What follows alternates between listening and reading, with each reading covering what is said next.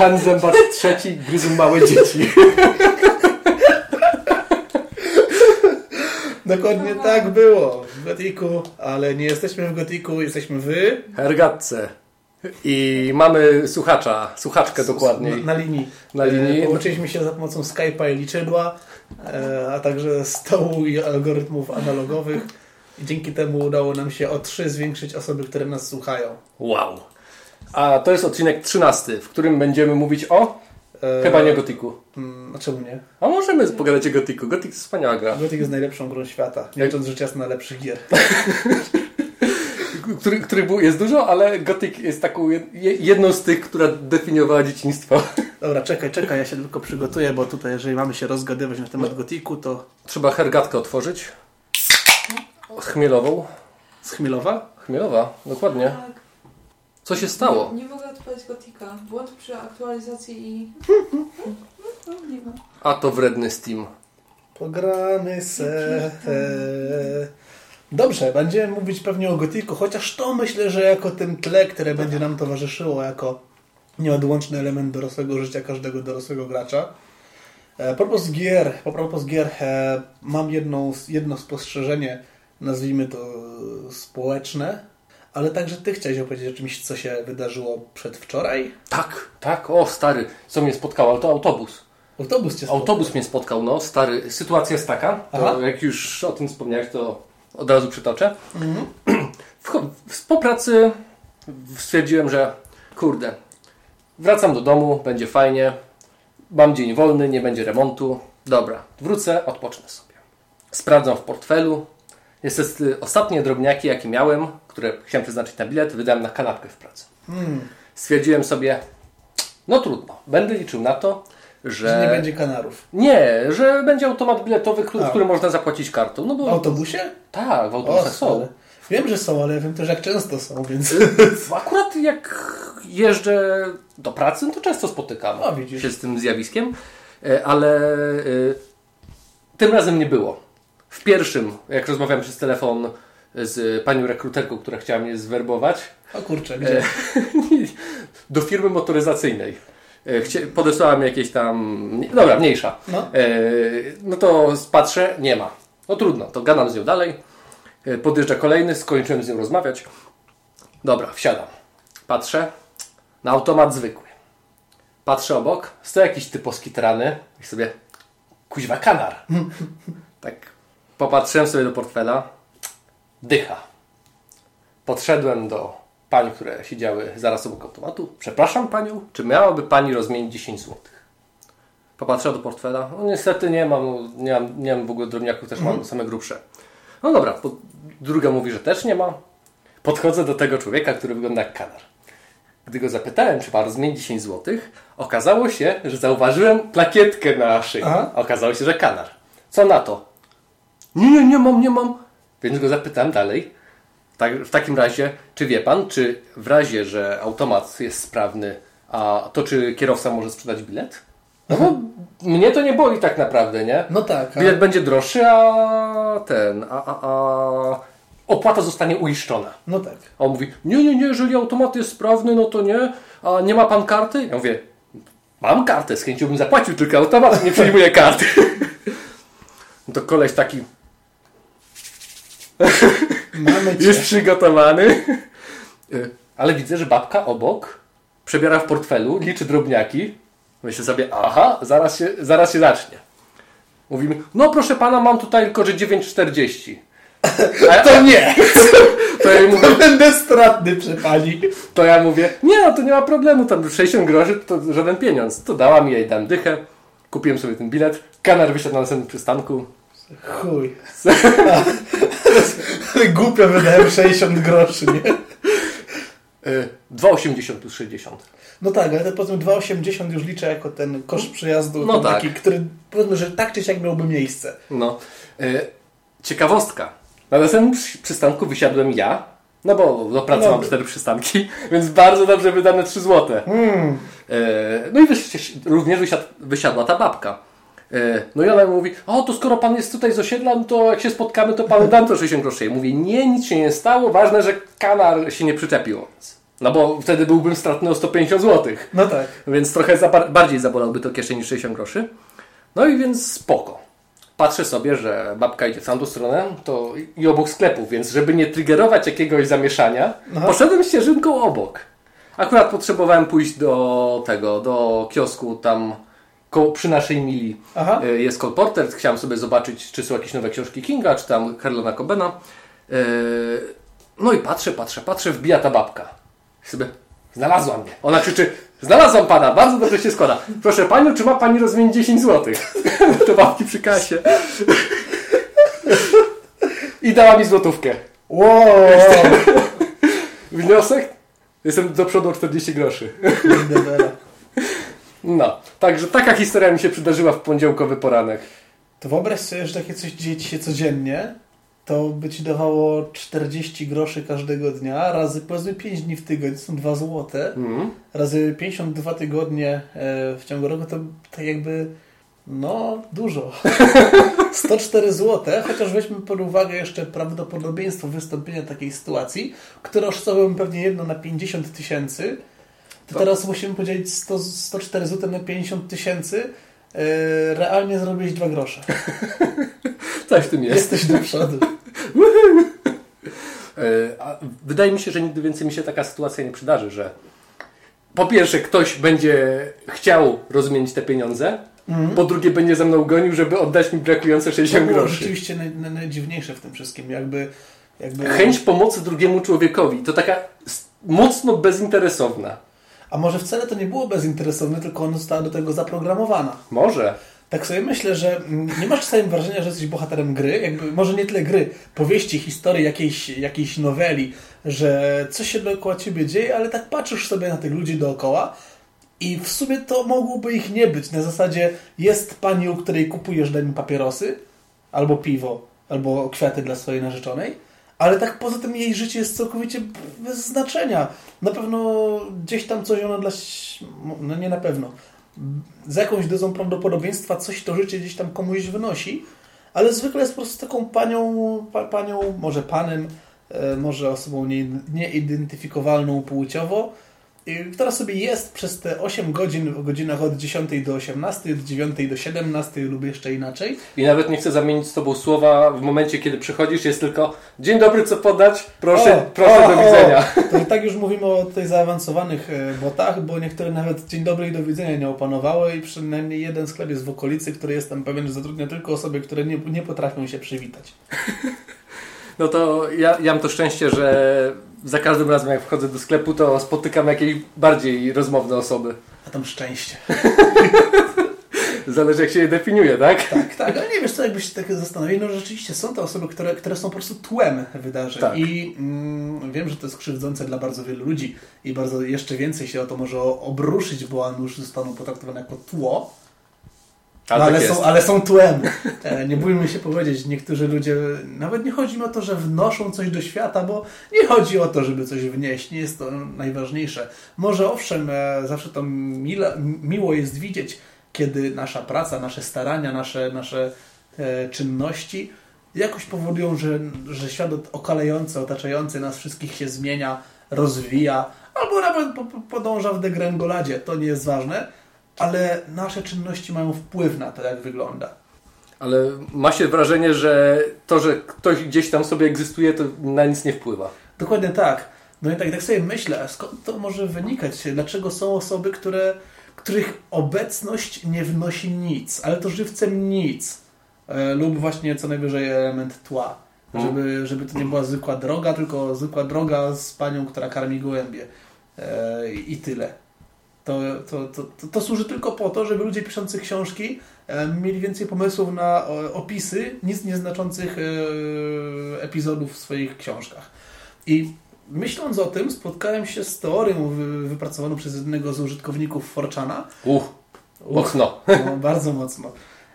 Wyobraź sobie, drogi Czektulu, koncepcję jakoby na Ziemi była ograniczona liczba dusz.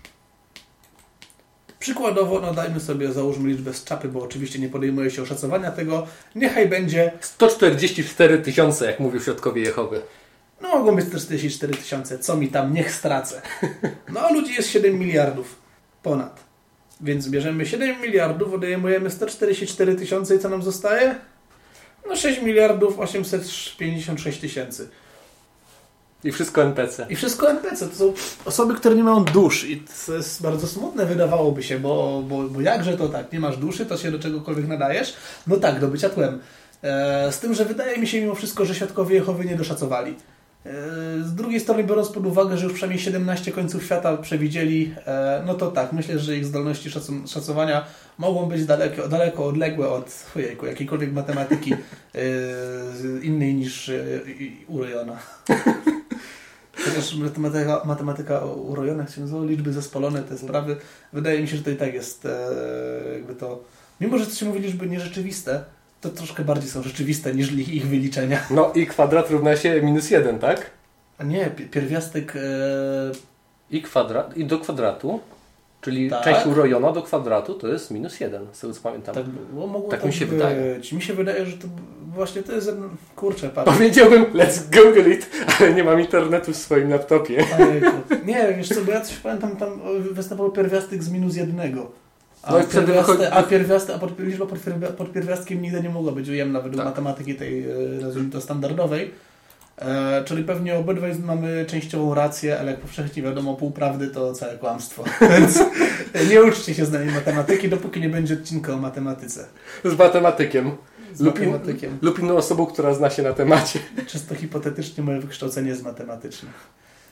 No, informatyka chyba też ma coś wspólnego z matematyką, ale A nie z grami? z, Z grami? graniem w komputer? No oczywiście, że to, to przede wszystkim, co myślisz, że co się robi na studiach informatycznych? Siedzisz i tylko grasz na tych komputerach. A co z piciem piwa i innych alkoholi? No nie, nie pijesz, bo wtedy spada ci, spadają ci umiejętności percepcyjne i wtedy na przykład gorzej ci się klika w ten komputer.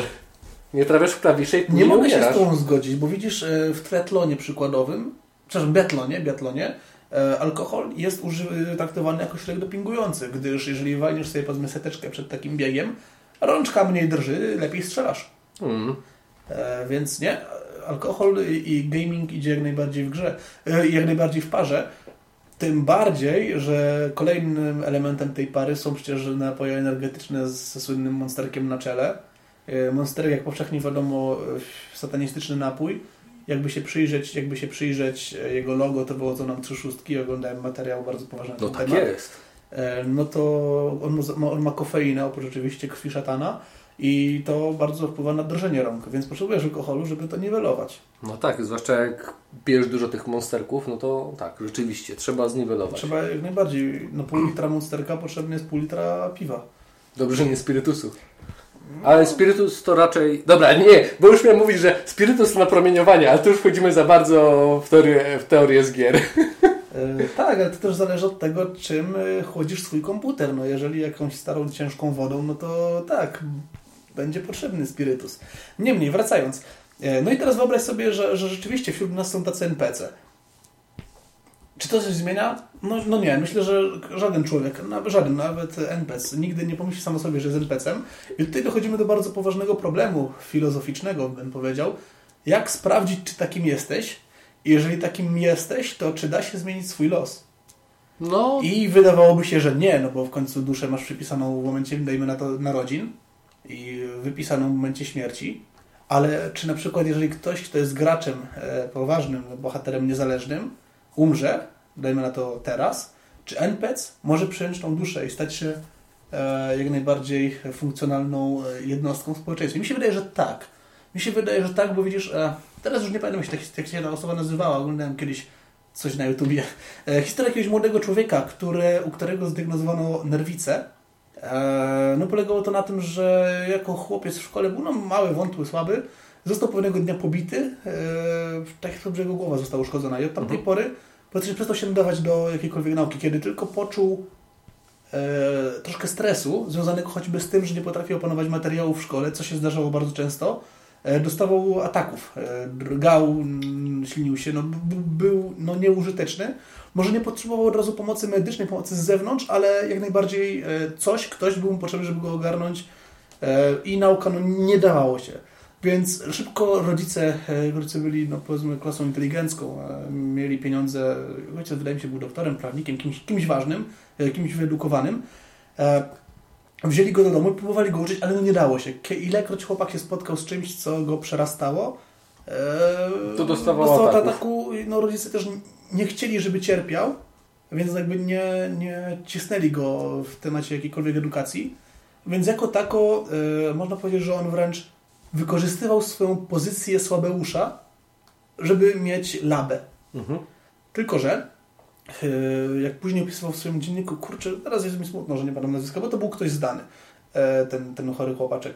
On prowadził dziennik i w tym dzienniku mówił, że w tych czasach na początku mu się to bardzo podobało, że właśnie jego rówieśnicy muszą się uczyć, a on, on, on może się bawić cały czas.